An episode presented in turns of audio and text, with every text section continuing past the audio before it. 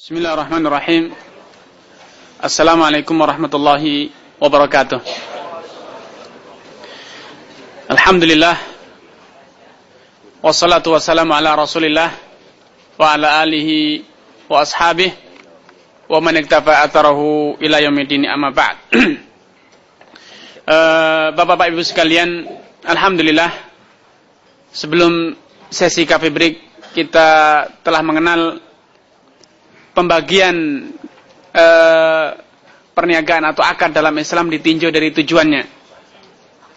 Nah, sekarang kita akan melihat pembagian akad ditinjau dari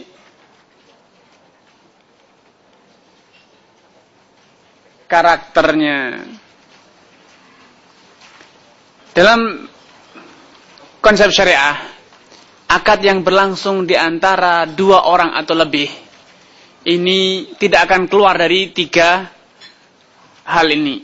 Ditinjau dari karakternya, ada akad yang mengikat kedua belah pihak, ada akad yang tidak mengikat, ada yang mengikat satu pihak saja. Sering ketika kita masuk ke mall, ke toko, ada tulisan terpampang di belakang kasir, atau di atas kasir atau bahkan di meja kasir dengan yang berbunyi kira-kira barang yang sudah dibeli tidak boleh dikembalikan atau ditukar. Banyak orang yang mencak-mencak, Pak. Oh, ini pedagangnya ini tidak benar. Ini sudah beli, tidak boleh dikembalikan. Kenapa tidak boleh kembali? Ah, ucapan ini, Pak, bila berlaku umum ada cacat atau tidak ada cacat, maka tidak boleh kembali, ya tentu tidak benar.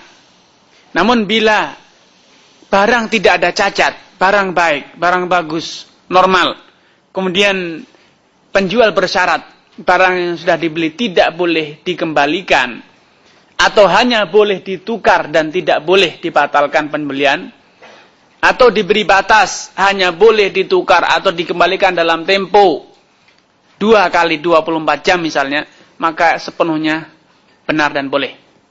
Kenapa? Akad jual beli, sewa menyewa, itu termasuk akad yang mengikat.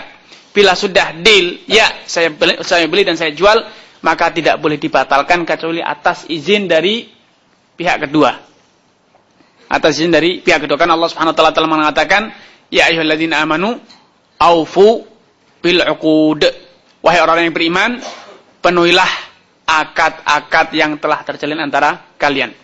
Dan di antara bentuk memenuhi akad adalah tidak membatalkan akad kecuali atas kerelaan pihak kedua. Ini bila akadnya tergolong dalam akad yang mengikat, yaitu sewa menyewa, jual beli, atau yang serupa.